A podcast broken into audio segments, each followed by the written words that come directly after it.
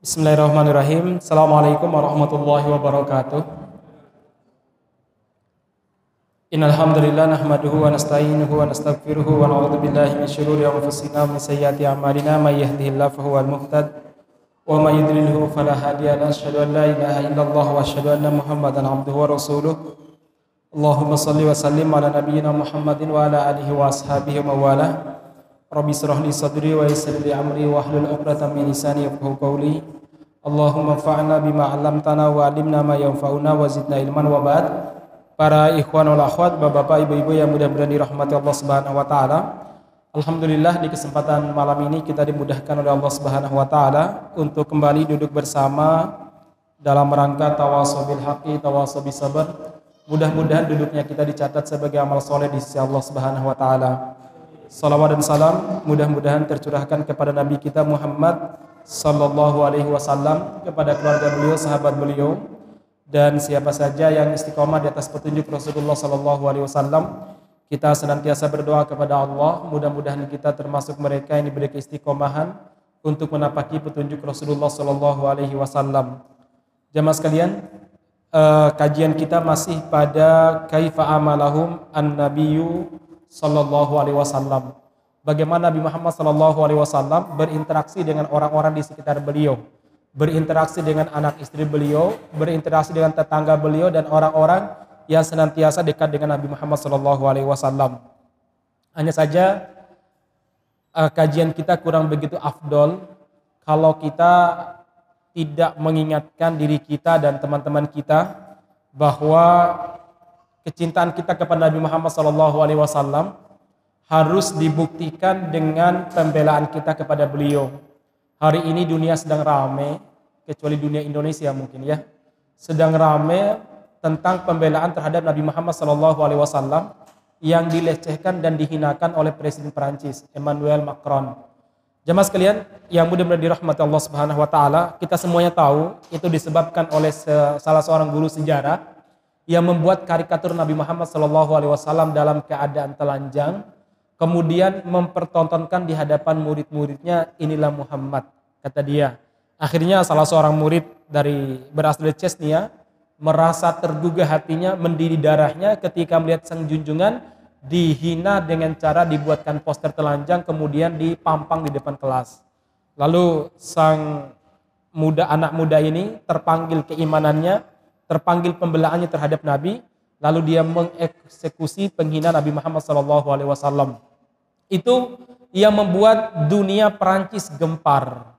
Sehingga Macron membuat sesuatu yang lebih parah lagi, yaitu apa? Dia mempertontonkan karikatur tersebut di depan majelis parlemennya Perancis dan dia memperbolehkan media-media Perancis untuk menampilkan kartun film yang selama ini menghina Nabi Muhammad SAW. Jamaah sekalian yang mudah-mudahan dirahmati Subhanahu wa taala, inilah yang menuai reaksi dan kecaman terutama dari Turki, Erdogan dengan sangat marah mengatakan bahwa Macron mengidap penyakit mental. Kemudian Erdogan juga mengajak kaum muslimin terutama orang-orang Turki dan dunia pada umumnya untuk memboikot produk-produk Perancis dan alhamdulillah itu juga terjadi di Qatar, di Mesir, kemudian di Yordania dan kita di Indonesia juga menyerukan untuk boikot terhadap produk-produk Perancis jamaah sekalian. Jamaah sekalian yang mudah-mudahan dirahmati Allah Subhanahu wa taala, Mungkin ada yang mengatakan bahwa kita terlalu emosional. Toh Nabi Muhammad kalau dihina tetap tetap mulia. Oh enggak begitu jamaah sekalian. Rasulullah Shallallahu Alaihi Wasallam mencontohkan bahwa harga diri beliau itu lebih tinggi daripada harga diri kaum mukmin. Bahwa kecintaan kepada Nabi itu menuntut pembelaan. Membela Nabi Muhammad SAW itu bagian daripada iman. Karena cinta kepada beliau adalah iman. Tidak cinta kepada beliau berarti kufur tidak cinta kepada Nabi, maka tidak akan dimasukkan ke dalam surga Allah Subhanahu wa taala. Masyarakat muslimin, pernah pada zaman Nabi Muhammad sallallahu alaihi wasallam ada seorang kakek tua yang dia punya budak seorang wanita Yahudi. Dia sangat mencintai budaknya ini karena budaknya ini senantiasa membersamai dalam segala kondisi. Bayangkan kakek tua, buta, tidak memiliki siapa-siapa kecuali budaknya ini. Dari budaknya ini dia punya anak dua orang. Karena dalam Islam seorang budak boleh digauli selama budak tersebut tidak memiliki suami. Nah jemaah sekalian dia punya anak dari budak ini dua orang anak laki-laki. Jadi kecintaannya terhadap budak tersebut semakin menjadi-jadi. Dialah yang menyuapinya. Budak tersebutlah yang memasak masakannya. Budak tersebutlah yang membimbing dia ke mana dia pergi. Namun budak ini punya kebiasaan buruk. Dia suka mencela Rasulullah Shallallahu Alaihi Wasallam.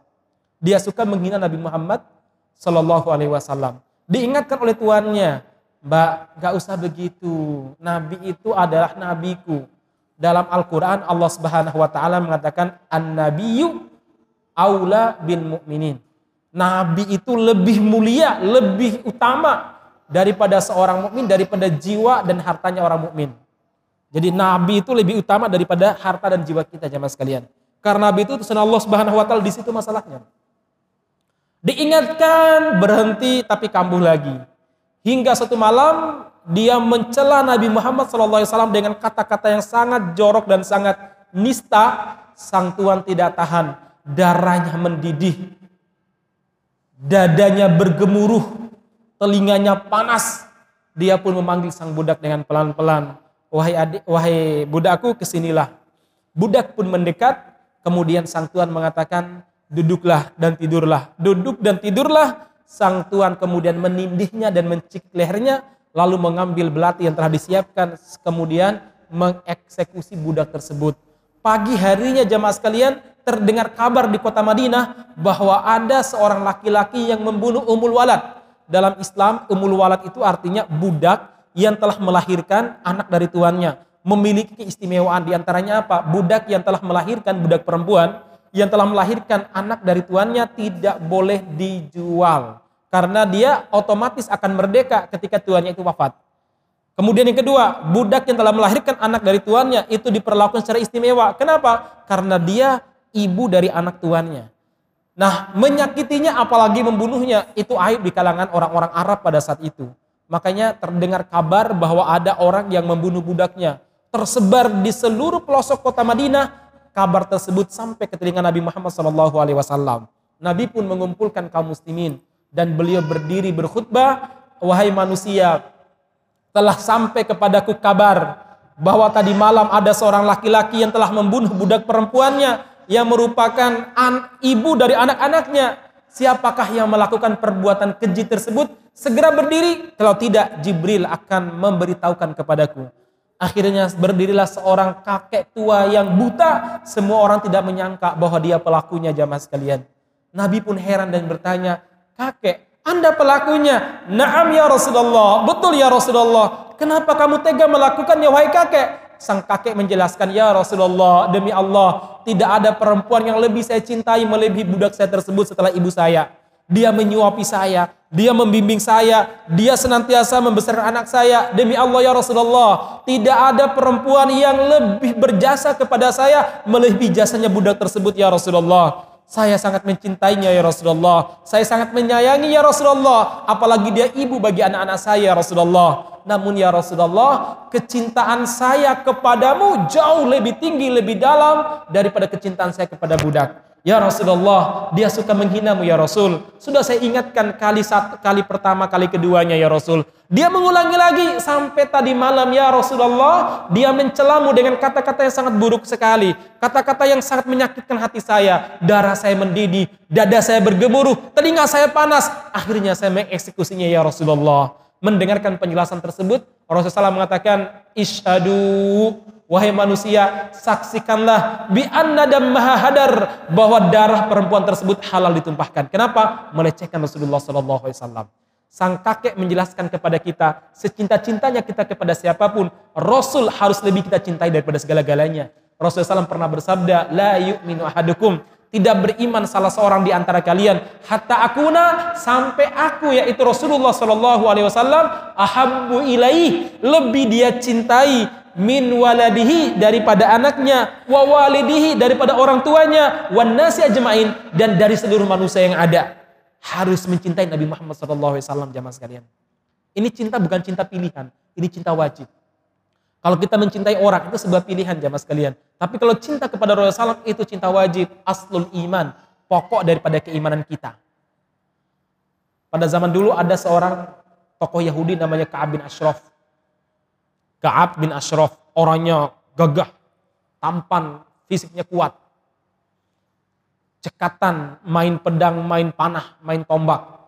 Kaya raya. Punya benteng khusus yang sangat kuat. Dan punya prajurit-prajurit pilihan. Tapi dia ini punya kebiasaan buruk, sering mencela Nabi Muhammad, membuat sair celaan terhadap Rasulullah Shallallahu Alaihi Wasallam. Akhirnya Nabi Muhammad suatu malam berkata di hadapan para sahabat, Mali wali Ka'ab bin Ashraf, innahu qad ada Rasulullah. Adakah di antara kalian yang mau membuat perhitungan antar untukku kepada Ka'ab bin Ashraf? Adakah di antara kalian yang mau membuat perhitungan untukku kepada Ka'ab bin Ashraf? Sesungguhnya dia telah mencela Rasul Allah Subhanahu wa taala. Dia mencela nabi yang diutus oleh Allah Subhanahu wa taala. Berdirilah seorang prajurit yang dikenal sebagai jagoan tempur namanya Muhammad bin Maslamah. Yang kekuatan fisiknya sama dengan satu peleton pasukan. Luar biasa. Main panah satu detik itu bisa melepaskan dua tiga panah. Main pedangnya dua-duanya bisa dia mainkan jamaah sekalian. Memang betul-betul luar biasa Muhammad bin Maslamah ini. Dikenal sebagai jagoan betul. Dia berdiri dan mengatakan, Ana ya Rasulullah, saya Rasulullah. Sesungguhnya saya punya hubungan baik dengan, dengan dia masa lalu. Mungkin dengan celah ini saya bisa mendekatinya ya Rasul dulu istilahnya teman premannya zaman biyen ya. Saya punya di, teman di, hubungan baik dengan dia di masa lalu ya Rasul. Ya Rasul, apakah Anda menginginkan saya membunuhnya ya Rasul? Naam, betul kata Rasulullah. Dia telah menyakiti Rasulullah sallallahu alaihi. Baik ya Rasul, izinkan saya untuk mencari dua teman karena dia orang yang tangkas, orang yang kuat fisiknya dan dia sangat cekatan dalam memainkan senjata ya Rasul. Baik, dipilihlah dua orang. Yang kedua ya Rasul, izinkan saya untuk mengata-ngatai Anda di depan dia, mencela dirimu di hadapan dia, biar dia biar dia yakin bahwa saya telah murtad dan telah membenci Anda dan bersamai dia. Wahai Muhammad, lakukanlah apa yang kamu lakukan, ucapkan apa yang kamu butuhkan. Akhirnya Muhammad bin Maslamah berangkat besoknya berangkat ke bentengnya Ka'ab bin Ashraf. Saat itu jamaah sekalian menjelang maghrib, beliau berhasil mengendap masuk ke dalam bentengnya sebelum ditutup. Kemudian sampai di benteng, ketika dia masuk istananya, dia nggak bisa. Kenapa? Dijaga dengan ketat sekali. Akhirnya Muhammad bin Maslamah bersyair. Syairnya zaman jahiliyah, ia menjadi syair kesukaan kesukaan antara dia dengan Ka'ab bin Ashraf. Ka'ab bin Ashraf mendengar ada syair yang begitu indah, tahulah dia, itu kawan lamanya Muhammad bin Maslamah. Kemudian dia menyambung dengan syair berikutnya. Lalu Muhammad bin Maslamah bersair untuk mencela Rasulullah Sallallahu Alaihi Wasallam, mengucapkan kata-kata yang dusta kepada Rasulullah Sallallahu Alaihi Wasallam. Itu yang membuat Ka'ab bin Asraf semakin membuat syair eh, semakin semangat membalas syairnya. Akhirnya Ka'ab bin Asraf turun dan mengatakan, Muhammad, kenapa kamu dengan si Muhammad? Eh, si Muhammad bin Maslamah mengatakan, Ya Ka'ab, Muhammad telah mencelakakan kehidupan keluargaku. Muhammad telah mendustakan kami. Disebutkan kekurangan-kekurangan Nabi Muhammad SAW. Akhirnya Ka'ab bin Asraf percaya kepada Muhammad bin Maslamah. Diizinkan untuk masuk dalam kamarnya. Ke dalam rumahnya. Kemudian jamaah sekalian di suatu kesempatan saat mereka ngobrol, tiba-tiba lampu padam. Ada yang mengatakan sengaja dipadamkan oleh Muhammad bin Maslamah tanpa diketahui oleh Ka'ab bin Ashraf. Tiba-tiba lampu padam, Lalu Muhammad bin Maslamah melihat ini sebuah kesempatan. Dia mengeluarkan pedangnya dan mencoba untuk menusuknya, menyabetnya ke arah Ka'ab bin Asraf. Ka'ab dikenal sebagai orang tangkas. Dia berhasil menghindar di tengah kegelapan. Dia berteriak, pembunuh, pembunuh, pembunuh. Akhirnya Muhammad bin Maslamah juga mengatakan, pembunuh, pembunuh. Baru saja lewat di hadapan saya. Akhirnya mereka mencoba mencari. Ya memang tidak ketemu karena yang dicari itu adalah mencari. Nah jemaah sekalian, Kemudian Muhammad bin Maslamah berpikir, gak mungkin membunuh dia di depan di, di bentengnya. Dia pun merayunya. Karena Ka'ab bin Ashraf ini punya kekurangan. Apa itu? Kalau dirayu, kalau dipuji, lupa segala-galanya. Akhirnya dia merayunya, ya Ka'ab, demi Allah, saya melihat indahnya rembulan, tapi melihat, melihat wajahmu, saya akhirnya yakin bahwa wajahmu lebih lebih tampan daripada rembulan malam ini. Ya Ka'ab, saya belum pernah melihat laki-laki yang menawan, dan yang perkasa melebihi diri wahai Ka'ab. Ka'ab pun tersanjung, kemudian Ka'ab pun mengatakan, iya wahai Muhammad, sesungguhnya saya punya wanita-wanita cantik.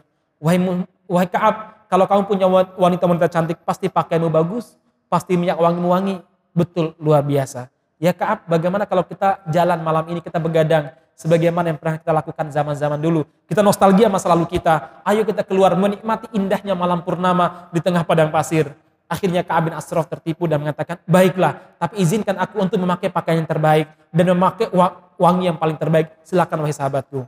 Kemudian dia keluar dengan pakaian yang sangat bagus dan wangi yang sangat luar biasa semerbaknya. Mereka pun berdua keluar dari benteng tanpa dikawal oleh prajuritnya dan mereka pun berjalan di tengah malam tersebut sambil mendendangkan sair-sair jahiliyah yang pernah dulu mereka dendangkan bersama-sama sebelum Muhammad bin Salamah masuk Islam.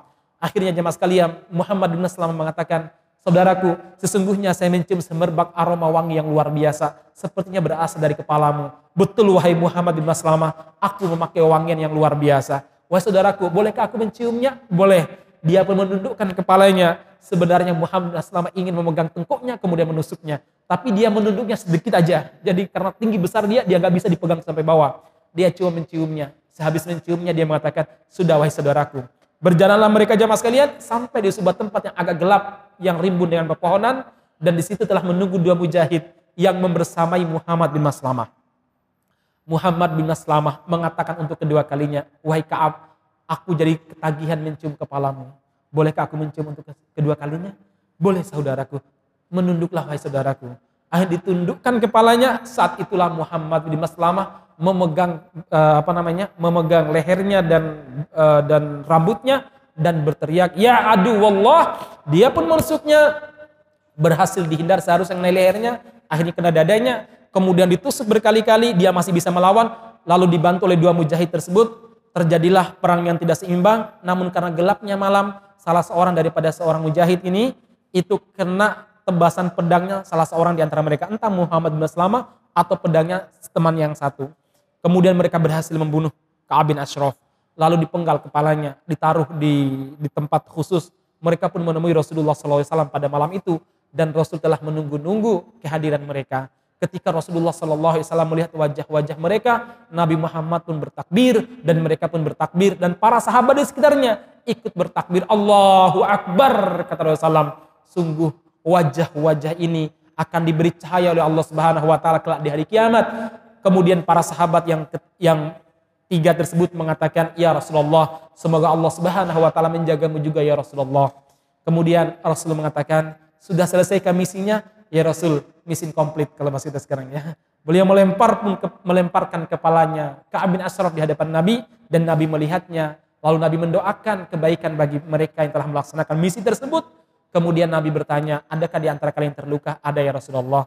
Dibawalah saudaranya terkena sabetan pedang tersebut, Rasul pun mengatakan, mana lukanya ini ya Rasul? Ternyata darah mengalir dengan sangat deras. Dia sampai lemas. Rasul pun berdoa, lalu dia mengatakan, Bismillah, buka lukamu. Dibuka lukanya, Rasul pun meludah tiga kali. Be, be, be. Akhirnya sembuh seketika, darah tidak mengalir dan tidak ada rasa sakit. Sekali lagi, ini mukjizat luar biasa. Jangan praktekkan kepada teman-teman Anda. Nah, jemaah sekalian, yang mudah-mudahan dirahmati Subhanahu wa taala, beginilah hukuman bagi mereka yang menghina Rasulullah Sallallahu Alaihi Wasallam jamaah sekalian. Enggak kemudian dikatakan apa umat Islam tuh orang cinta damai dan suka memaafkan. Lucu banget saat ulil amri mereka, saat kiai mereka dikritik, saat ustadz mereka dikritik marah mereka. Wah itu orang kurang aja nggak pernah belajar, harus dihukum, harus dipenjara, itu tindakan kriminal. Giliran Nabi Muhammad dihina, apa jawaban mereka? Kita itu adalah pemaaf umat Islam nggak boleh radikal. Kita tunggu fatwa ulama. Ya. Lucu banget jemaah sekalian. Tunggu fatwa ulama untuk mengkritik marah terhadap penghinaan Nabi Muhammad Shallallahu Alaihi Wasallam. Ini ini nih yang perlu kita pahami bersama. Yang lucu lagi dari siapa itu Gus uh, saya lupa Gus Karim atau siapa yang dari Australia ketua PCNU Australia itu orangnya liberal. Dia, saya tadi baca twitternya, dia mengatakan hanya orang-orang radikal dan bodoh yang marah ketika Nabi Muhammad digambar dengan kartun. Kenapa? Karena yang menggambar Nabi Muhammad dengan kartun itu bukan Nabi Muhammad, toh mereka nggak pernah ketemu Nabi Muhammad katanya. Jadi malah dibalik begitu, ya. Ini orang-orang liberal, memang betul-betul otaknya udah kebalik itu, ya. Gak bisa nggak bisa berpikir sama sekali. Malah ngomongnya apa? Itu belum tentu Nabi Muhammad yang digambar. Ini jamaah sekalian, orang liberal malah membela siapa namanya? Emmanuel Macron. Padahal jelas kalau sekedar membuat kartun nggak ada tulisan ini Muhammad wajar, tapi dia membuat kartun dan mengatakan ini Muhammad Muhammad dengan gambar telanjang. Ini jelas sebuah penghina, sebuah penghinaan. Saya walaupun bel, apa namanya? Saya walaupun belum melihat wajah uh, wajah kakek dia mungkin, saya gambarkan kakeknya itu mungkin dengan penuh uh, kotor ataupun mungkin kejahatan saya bilang ini kakek pas dia marah kok ya walaupun saya belum pernah melihat kakek dia gitu. Nah masalah muslimin yang mudah-mudahan dirahmat subhanahu wa ta'ala ini yang perlu kita pahami bersama bahwa pembelaan terhadap Nabi Muhammad Sallallahu Alaihi Wasallam itu merupakan iman kita. Setiap pekan kita mengkaji muamalah Nabi Muhammad Sallallahu Alaihi Wasallam. Kalau kita tidak pernah membelanya, kita tidak pernah uh, apa namanya, tidak pernah menulis kalimat-kalimat pembelaan terhadap beliau, saya nggak tahu. Kelak di hari kiamat nanti, apakah kita layak mendapatkan syafaat Nabi Muhammad SAW? Saya nggak tahu apa yang kita jawab ketika Nabi Muhammad bertanya kepada kita, wahai fulan, wahai umatku, kamu dulu pernah mendengar Emmanuel Macron mencelaku, membuat kartun dan memasang kartun yang menjelek-jelekanku, bahkan memperbolehkan tontonan yang menjelek-jelekanku apa yang kamu perbuat untuk membelaku?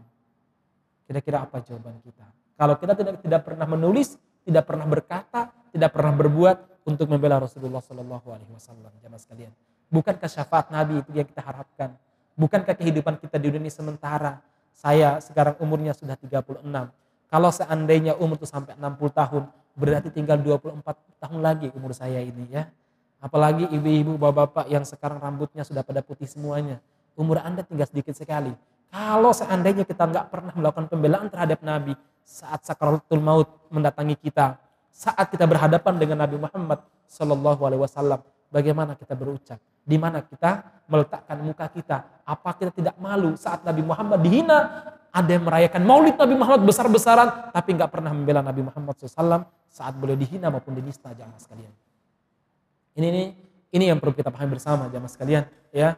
Bukankah orientasi kita hidup kita akhirat? Bukankah kita menginginkan syafaat Nabi Muhammad? Bukankah kita ingin bersaudara dan bertetangga dengan Nabi Muhammad kelak di surga nanti?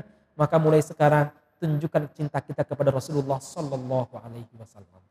Baik masyarakat muslimin ini sedikit uh, yang perlu saya sampaikan karena saya lihat uh, negeri kita adem-adem aja ya. Adem-adem aja. Ada teman saya nulis ini ya. Saking saking jengkelnya sama mereka yang berkuasa nggak ada pembelaan. Apa kata beliau? Saya siap memboikot mobil apa Peugeot. Mobil Peugeot nggak apa-apa. Perancis memboikot SMK nggak masalah. Ya, nggak apa-apa. Kita bahagia-bahagia aja sekalian ya. Ini bermasalah banget ya. Nggak ada pembelaan sama sekali. Masyarakat muslimin. Yang paling lucu seorang kiai ketika eh, ketika K-pop dia membela K-pop, fatwanya K-pop menginspirasi anak muda. Gitu. Giliran Rasul dihina nggak tahu nih nggak ada suara. Ya. Baik masalah muslimin yang mudah dirahmati subhanahu wa taala, kita kembali kepada sampaikan. Baik kita lanjut pada materi kita ya, uh, materi terkait masalah kaifa amalahum an nabi. Bagaimana Nabi Muhammad SAW berinteraksi dengan orang-orang di sekitarnya. Semoga kita bisa mencontohi beliau dalam kemarahan, dalam diamnya, beliau itu semuanya bijaksana Ustadz, apakah Nabi Muhammad pernah memaafkan orang menghinanya? Iya, Nabi Muhammad pernah memaafkan orang menghinanya. Jadi, kalau Nabi Muhammad masih hidup, hak Nabi Muhammad memaafkannya. Tapi sepeninggalan Nabi Muhammad, para ulama telah berijma, telah bersepakat, had, tahu had ya? Atau apa? Hukuman bagi penghina Nabi hanya satu. Apa itu? Dorbu unuk hubis kata para ulama dipisahkan kepalanya dari badan. Itu sebenarnya jamaah sekalian. Ya. Tapi saat Nabi Muhammad hidup, para ulama mengatakan Nabi Muhammad kadang mengeksekusi, kadang juga memaafkan. Yang hari ini dihidupkan apa? Nabi Muhammad sang pemaaf. Nabi Muhammad nggak nggak nggak marah. Dia lupa kalau Nabi Muhammad memerintahkan untuk membunuh Ka'ab bin Ashraf. Mungkin mereka nggak baca kalau Nabi Muhammad SAW itu menghalalkan darah budak Yahudi yang mencela beliau. Mungkin mereka nggak nggak baca kalau Nabi Muhammad Wasallam ketika memasuki kota Makkah saat Fatu Makkah menghalalkan darah beberapa orang yang dulunya suka mencela Nabi Muhammad SAW. Kata Nabi Muhammad, bunuh mereka walaupun mereka bergelantungan di kain kiswah Ka'bah. Akhirnya dua orang tukang nyanyi yang sering menyanyikan lagu-lagu dan menciptakan lagu-lagu bagi Nabi Muhammad bergelantungan di kain Ka'bah tetap dipenggal kepalanya oleh para sahabat. Mereka lupa ini jamaah sekalian. Dikiranya Nabi Muhammad cuma senyum aja kepada orang yang menyakitinya. Mereka lupa kalau Nabi Muhammad Shallallahu Alaihi Wasallam memutuskan untuk mengeksekusi 700 laki-laki Bani Quraidah karena mereka menghina Nabi Muhammad dan bekerja sama dengan orang-orang musyrik, orang-orang pasukan Ahzab untuk menghancurkan Nabi Muhammad pada perang Ahzab ataupun perang Khandaq. 700 laki-laki dipenggal kepalanya Nabi Muhammad SAW. Mereka lupa ini jemaah sekalian ya. Yang mereka ceritakan tentang apa? Nabi Muhammad memaafkan. Iya, kita harus mengikuti beliau. Tapi kalau pengkhianatannya sudah terlalu, maka nggak ada hukuman yang paling layak kecuali apa? Selesaikan urusan dia di dunia. Ini ini kadang kita uh, membaca sejarah Nabi itu berat sebelah, nggak membaca seluruhnya. Nabi itu panglima. Nggak ada yang namanya panglima tuh kalau perang, eh kamu dulu tembak duluan, nggak ada. Serang mereka, hancurkan mereka, Bahkan dalam ayat Allah Subhanahu wa taala mengatakan uh, apa namanya? Fador bel uh, fadribu lahum fadribuhum fauqal banat. Maka apa namanya?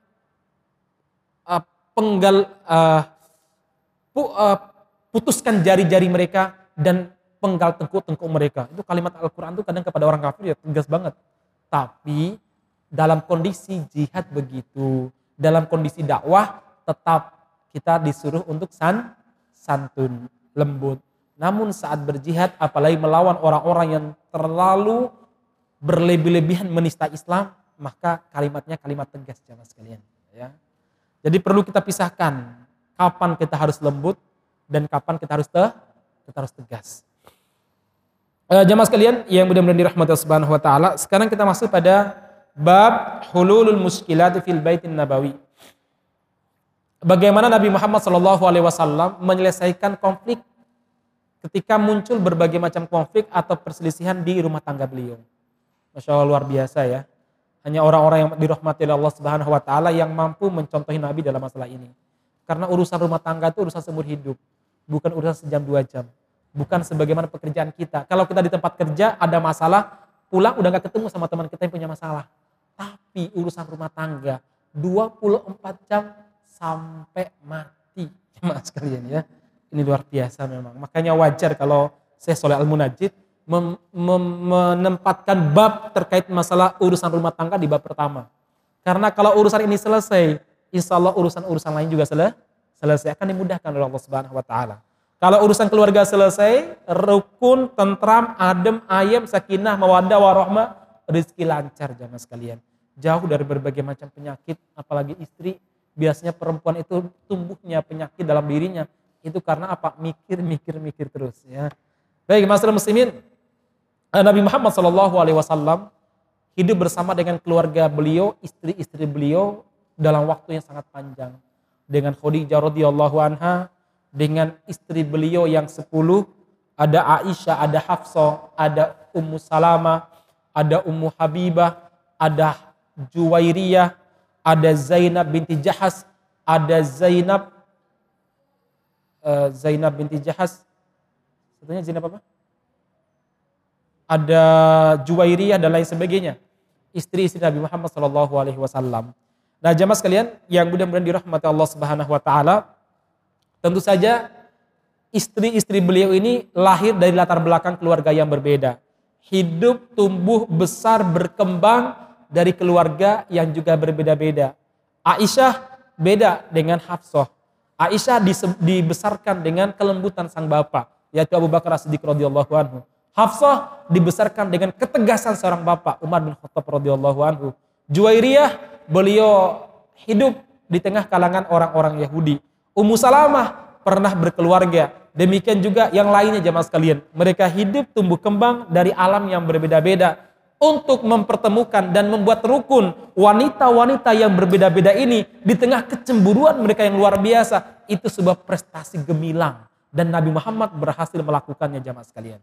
Padahal Nabi bukan sekedar suami bagi mereka, tapi Nabi merupakan ayah bagi anak-anaknya. Nabi Muhammad merupakan nabi bagi umatnya. Nabi Muhammad adalah pemimpin dari pasukan. Nabi Muhammad adalah kepala negara dari sebuah negara yang baru berdiri, yaitu Madinatul Munawwarah. Luar biasa. Semua peran tadi beliau bisa melaksanakan sesuai dengan porsinya, berjalan seimbang, berjalan dengan bijak, dan berjalan dengan adil. Tidak ada yang terdolimi. Bahwa di sana terjadi berbagai macam perselisihan, pertengkaran, namanya manusia nggak lepas dari itu. Justru karena itulah Nabi Muhammad SAW dicontohi. Karena beliau berhasil menyelesaikan pertengkaran-pertengkaran yang ada. Karena beliau menghadapi masalah sebagaimana yang kita hadapi juga. Baik jemaah sekalian, Nabi Muhammad SAW betul-betul melaksanakan perintah Allah wa ashiruhun nabil ma'ruf. Pergaulah istri-istri kalian dengan pergaulan yang baik. Pergaulilah istri kalian dengan pergaulan yang baik. Wa ashiruhunna bil ma'ruf. Ini perintah, ini wajib. Dan Nabi Muhammad SAW jamaah sekalian melaksanakannya dengan baik. Sebagai sebuah contoh, satu ketika hadisul ifki. Apa hadisul ifki? Yaitu ketika ibunda Aisyah radhiyallahu anha, istri yang paling beliau cintai, wanita yang paling beliau sayangi di dunia ini, itu mendapatkan jatah untuk menemani Nabi dalam sebuah ekspedisi jihad yaitu jihad Bani Mustolik jadi Nabi dulu kalau mau berperang atau mau keluar keluar kota sangat lama, mungkin seminggu, dua minggu, bahkan satu bulan atau dua bulan, biasanya beliau ini akan mengundi istri-istri beliau. Siapa yang keluar namanya, maka dia akan ikut Nabi Muhammad Shallallahu Alaihi Wasallam. Jadi mengundi dalam masalah ini nggak nggak nggak nggak nggak disalahkan, boleh diundi seperti itu. Kadang jamaah sekalian yang keluar satu orang, yang keluar dua orang, kalau dua orang nama yang keluar berarti dua-duanya ikut bersama dengan Nabi Muhammad Shallallahu Alaihi Wasallam. Nah jamaah sekalian, yang keluar pada perang Bani Mustolik namanya Aisyah radhiyallahu anha. Akhirnya jamaah sekalian, ibunda Aisyah Ummul Mukminin ini membersamai Nabi Muhammad Shallallahu Alaihi Wasallam untuk berangkat jihad perang lawan Bani Mustolik. Pada peperangan ini kaum muslim berhasil mengalahkan Bani Mustolik Bani Mustolik itu melarikan diri dan berpencar sebelum pasukan Islam melancarkan serangan kepada mereka. Akhirnya Nabi Muhammad SAW mendapatkan gonimah yang begitu banyak, harta rampasan perang yang luar biasa. Kemudian setelah menginap beberapa hari di perkampungan Bani Mustolik, ini kebiasaan Nabi. Biasanya kalau beliau menguasai sebuah daerah, beliau akan menginap tiga hari, empat hari di situ, bahkan satu pekan. Ya, nginap di situ sambil mengirim pasukan-pasukan khusus untuk menyelidiki musuh. Jadi beliau nanti akan mengirim 10 orang ke wilayah sana melakukan uh, spionase, pengintaian kira-kira musuh bagaimana gerakannya. Ke sana kemari. Biasanya begitu Rasulullah SAW, betul-betul seorang panglima yang luar biasa jemaah sekalian. Nah, ceritanya ketika waktu pulang, ketika waktu pulang jemaah sekalian, Aisyah kan untanya beda dengan unta Nabi, ditempatkan di unta tersendiri. Yang unta tersebut pakai apa namanya scoop ya apa semacam tenda gitu tenda kecil ya di atas unta kalau anda pernah lihat film-film zaman dulu ya begitulah seorang perempuan betul terjaga di scoop tersebut nah jamaah sekalian uh, dalam sebuah peristirahatan ibunda Aisyah radhiyallahu anha minta izin kepada Nabi untuk menyelesaikan hajat qadaul hajat untuk buang air besar atau air kecil Akhirnya diizinkan oleh Nabi Muhammad Sallallahu Alaihi Wasallam. Kemudian beliau keluar menjauh dari pasukan. Setelah itu beliau balik. Kemudian jamaah sekalian, ketika beliau balik, beliau masuk ke dalam tendanya ataupun skupnya tadi. Uh, para pasukan yang yang yang ditugaskan untuk uh, mengawal beliau melihat beliau masuk. Namun ketika dalam skup beliau ingat ternyata cincin atau gelangnya beliau yang dihadiahkan oleh saudaranya Asma itu hilang dan beliau ingat itu jatuh saat beliau buang air tadi. Beliau pun keluar tanpa sepengetahuan pasukan tersebut dan tanpa sempat minta izin kepada Nabi karena pikir beliau ya beliau nggak lama-lama cuma ngambil kemudian pulang. Ternyata jamaah sekalian Nabi Muhammad SAW memerintahkan para sahabat untuk melanjutkan perjalanan pulang ke kota Madinah. Sahabat yang bertugas untuk mengangkat skupnya Ibunda Aisyah mengangkatnya dan mereka tidak tahu bahwa Ibunda Aisyah sudah ada apa tidak. Kenapa? Karena saat itu kata Ibunda Aisyah, saya masih langsing-langsingnya. Ya. belum gemuk. Ternyata gemuk itu ada hikmah juga ibu-ibu ya. Jadi jangan terlalu miris ketika melihat badan gemuk ya. Kadang perlu disyukuri juga. Nah jemaah sekalian saat saya masih langsing-langsingnya. Sehingga ketika mereka ngangkat tandu tersebut. Mereka tidak bisa membedakan tandunya ada isinya atau tidak. Ada orangnya apa tidak. Ketika saya balik ke tempat tersebut, ternyata sudah tidak ada pasukan satupun. Saya bingung, saya teriak-teriak, nggak kedengaran. Telepon, nggak ada telepon saat itu. Akhirnya apa? Ya sudahlah, beliau berharap nanti dalam peristirahatan berikutnya, mungkin Nabi Muhammad akan memeriksa tanduku, sehingga beliau merasa kehilangan, eh tak tidur saja di sini karena capek, boleh tidur di bawah pohon di tempat istirahat tersebut. Nah jemaah sekalian, ternyata Nabi Muhammad SAW biasa dalam sebuah perjalanan apalagi jihad, itu pasti ada pasukan penyapu yang uh, membersihkan jejak ataupun meninggalkan jejak apa uh, membersihkan agar tidak ada jejak yang tertinggal. Jangan sampai musuh itu bisa membuntuti mereka atau untuk memata-matai musuh dari belakang. Nah, Salah satu pasukan penyapu yang tertinggal itu namanya Sofwan bin Mu'attal. Nah Sofwan bin Mu'attal ketika memeriksa tempat peristirahatan Nabi, kaget melihat ada warna hitam di bawah pohon. Beliau pun mendekatnya, semakin kaget ternyata dia seorang wanita. Saat itu ibunda Aisyah radhiyallahu anhu sedang tertidur, begitu dia mendengar langkah kakinya Sofyan bin Mu'attal, beliau kaget. Saat itu beliau tidak menutup wajahnya. Dan Sofyan bin Mu'attal juga kaget dan mengatakan Ummul Mukminin Aisyah. Itu tok kalimat yang beliau keluarkan dan tidak ada kalimat-kalimat yang beliau ucapkan lagi. Aisyah pun tidak berkata apa-apa, hanya diam dan bingung. Akhirnya jemaah sekalian, uh, Sofyan bin Mu'attal mengambil untanya dan beliau menderumkan untanya memberi isyarat kepada Ummul Mukminin Aisyah untuk menaiki unta tersebut. Kemudian dengan cepat dia memacu untanya sambil berlari agar bisa menyusul pasukan yang dibawa bersama Nabi Muhammad SAW. Nah jemaah sekalian, ketika dari kejauhan kaum muslimin melihat ada pasukan yang membawa seorang perempuan, mereka pun berhenti dan Nabi pun berhenti. Pada saat itu bersama dengan Nabi Muhammad ada tokoh munafik yang bernama Abdullah bin Ubay bin Salul. Dan ketika mereka melihat bahwa itu adalah istri Nabi Muhammad SAW, muncul berbagai macam praduga dan prasangka. Akhirnya isu dihembuskan oleh Abdullah bin Ubay bin Salul bahwa Aisyah selingkuh dengan Sofwan bin Mu'attal. Kabarnya ramai, kota Madinah juga ramai. Anda bayangkan loh, ini istri Nabi. Beda halnya kalau itu adalah, mohon maaf, PSK mungkin. Orang gak akan bakal ributin ya. Beda halnya kalau itu adalah istri preman. Orang gak akan ributin. Kalau itu yang bermasalah ustadz atau kiai, wah rame biasanya. Masih ingat Agim dulu ketika nikah untuk kedua kalinya, rame di mana-mana. Padahal nikah ya, Agim senikah seng rame ibu-ibu di Solo gitu ya. Nah masalah muslimnya, karena dia seorang tokoh. Nah apalagi Nabi Muhammad zaman sekarang, ramenya luar biasa. Saat itu Aisyah cerita, saya nggak tahu kejadiannya karena sepulang dari perjalanan tersebut saya sakit. Saking capeknya, panasnya, saya sakit. Sampai suatu waktu ketika saya sudah mulai sehat, saya ini keluar untuk BAB. Orang dulu nggak pakai WC sebagaimana kita sekarang. Dulu paling jamban, ya, jamban. Bahkan ketika masyarakat Madinah awal-awal tuh nggak pakai jamban. Mereka biasanya BAB-nya ke mana? Ke tengah padang pasir. Jadi ada tempat khusus buat BAB nanti.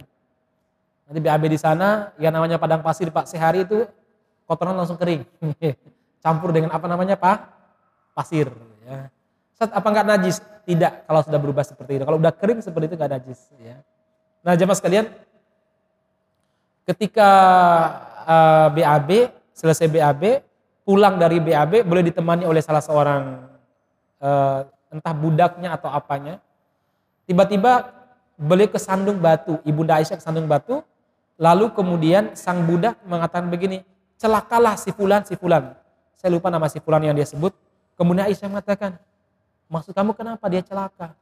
Ya umal mukminin, apakah dia Anda tidak tahu bahwa dia mencemarkan nama baikmu? Loh, emang sehingga saya mistoh ya. Celakalah mistoh. Ya.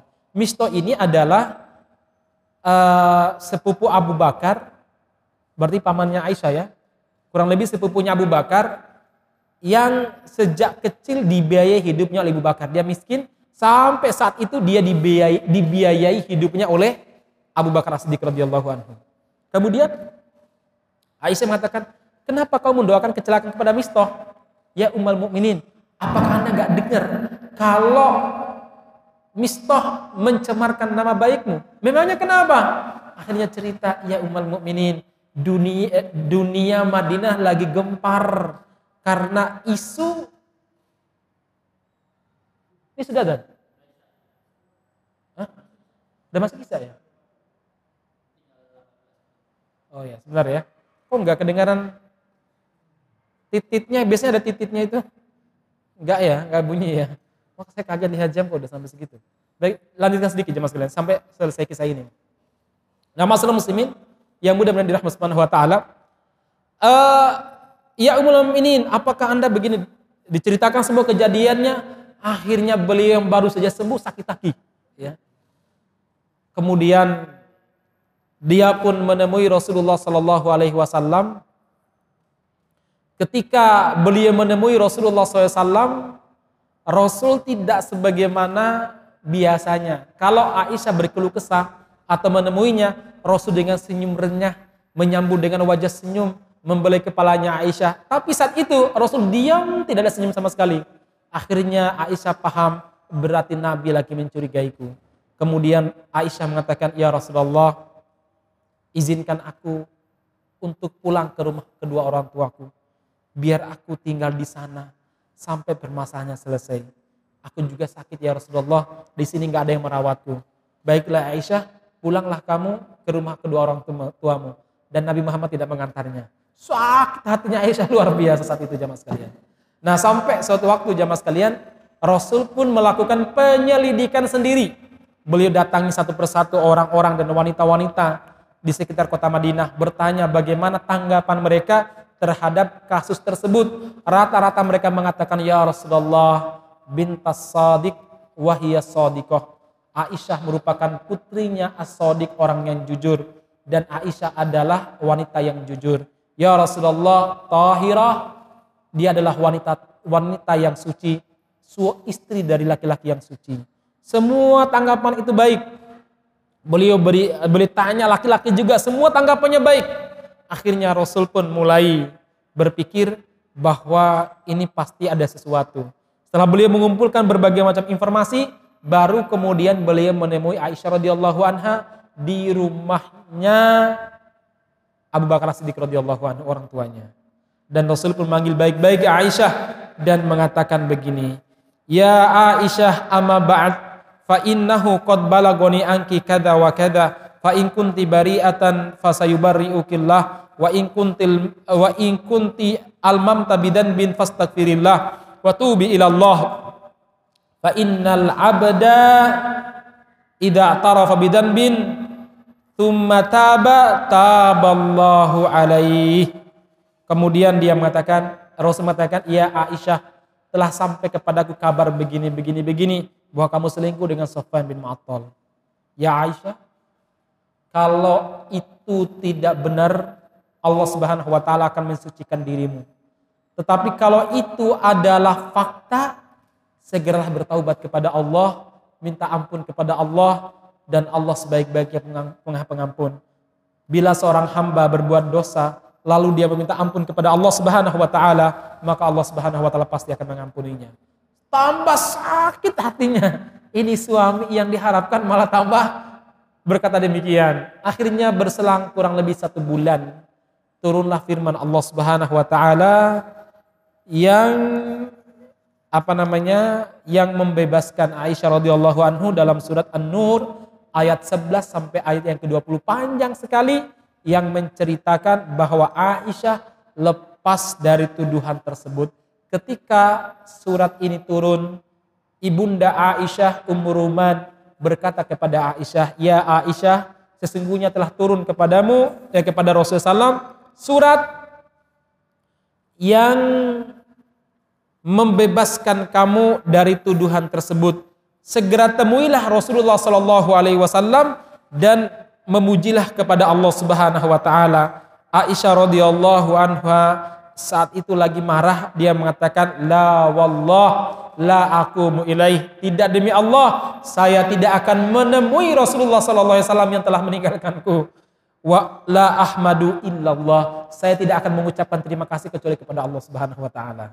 Akhirnya Rasul sendiri yang datang menemui Aisyah radhiyallahu anha kemudian menjelaskan bahwa beliau terbebas dari tuduhan ini. Jamaah sekalian, dalam rumah tangga Nabi itu tuduhan yang sangat berat, tuduhan selingkuh seorang istri yang sangat dicintai. Dan di sini Nabi Muhammad mengajarkan kepada kita bagaimana menyikapi hal tersebut. Uh, apalagi kita zaman sekarang, jamaah sekalian, ada grup alumni apa SMA, ada ada grup alumni SMP ya. Kadang kita atau keluarga kita dimasukkan ke dalam grup tersebut. Mungkin dulu ada istilahnya ada sayonara sayonara lama misalkan ya yang kadang berkembang ketika masuk ke dalam grup tersebut. Di saat itulah kita memang betul-betul diuji dengan luar biasa. Dan Nabi Muhammad mengalami hal tersebut. Apa itu? Satu, beliau tidak tergesa-gesa dalam menyimpulkan. Beliau tidak tergesa-gesa dalam menyimpulkan. Beliau menemui satu persatu orang-orang dan meminta kepada mereka bagaimana tanggapan mereka terhadap kasus tersebut. Gak langsung nuduh sang istri beliau. Yang berikutnya jamaah sekalian, Rasulullah Shallallahu Alaihi Wasallam tetap memberikan pelajaran kepada Aisyah walaupun pelajaran tersebut tidak dalam bentuk kata-kata tapi dalam perubahan sikap. Taghyirul muamalah kata para ulama. Perlu untuk mengingatkan istri atau mengingatkan suami itu merubah sikap itu perlu. Ustaz, apakah istri boleh merubah sikap kepada suami? Kalau memang merasa itu penting dan uh, untuk memberikan sebuah pelajaran karena merasa terdolim misalkan, itu pernah kok istri Nabi itu sehari semalam nggak tegur sapa sama Nabi ya Ya mereka meninggalkan Nabi gara-gara apa? Gara-gara merasa kecemburuan tentunya ya kalau para istri Nabi ya. Nah jemaah sekalian, ini Rasulullah SAW. Jadi beliau merubah sikap yang dulunya hangat, lembut, yang dulunya senyum merekah dari wajah beliau ketika berjumpa Aisyah dan ketika menghadapi kasus ini Rasul diam tidak menampakkan ekspresi apa pun. Jadi itu yang kedua. Yang ketiga jamaah sekalian, Rasulullah SAW langsung melakukan penyelidikan mengumpulkan semua informasi. Setelah mendapatkan informasi yang lengkap, baru kemudian beliau menyidang Aisyah. Jadi Anda jangan sidang istri Anda atau sidang keluarga Anda, sidang anak Anda sebelum informasi di kepala Anda itu leng lengkap.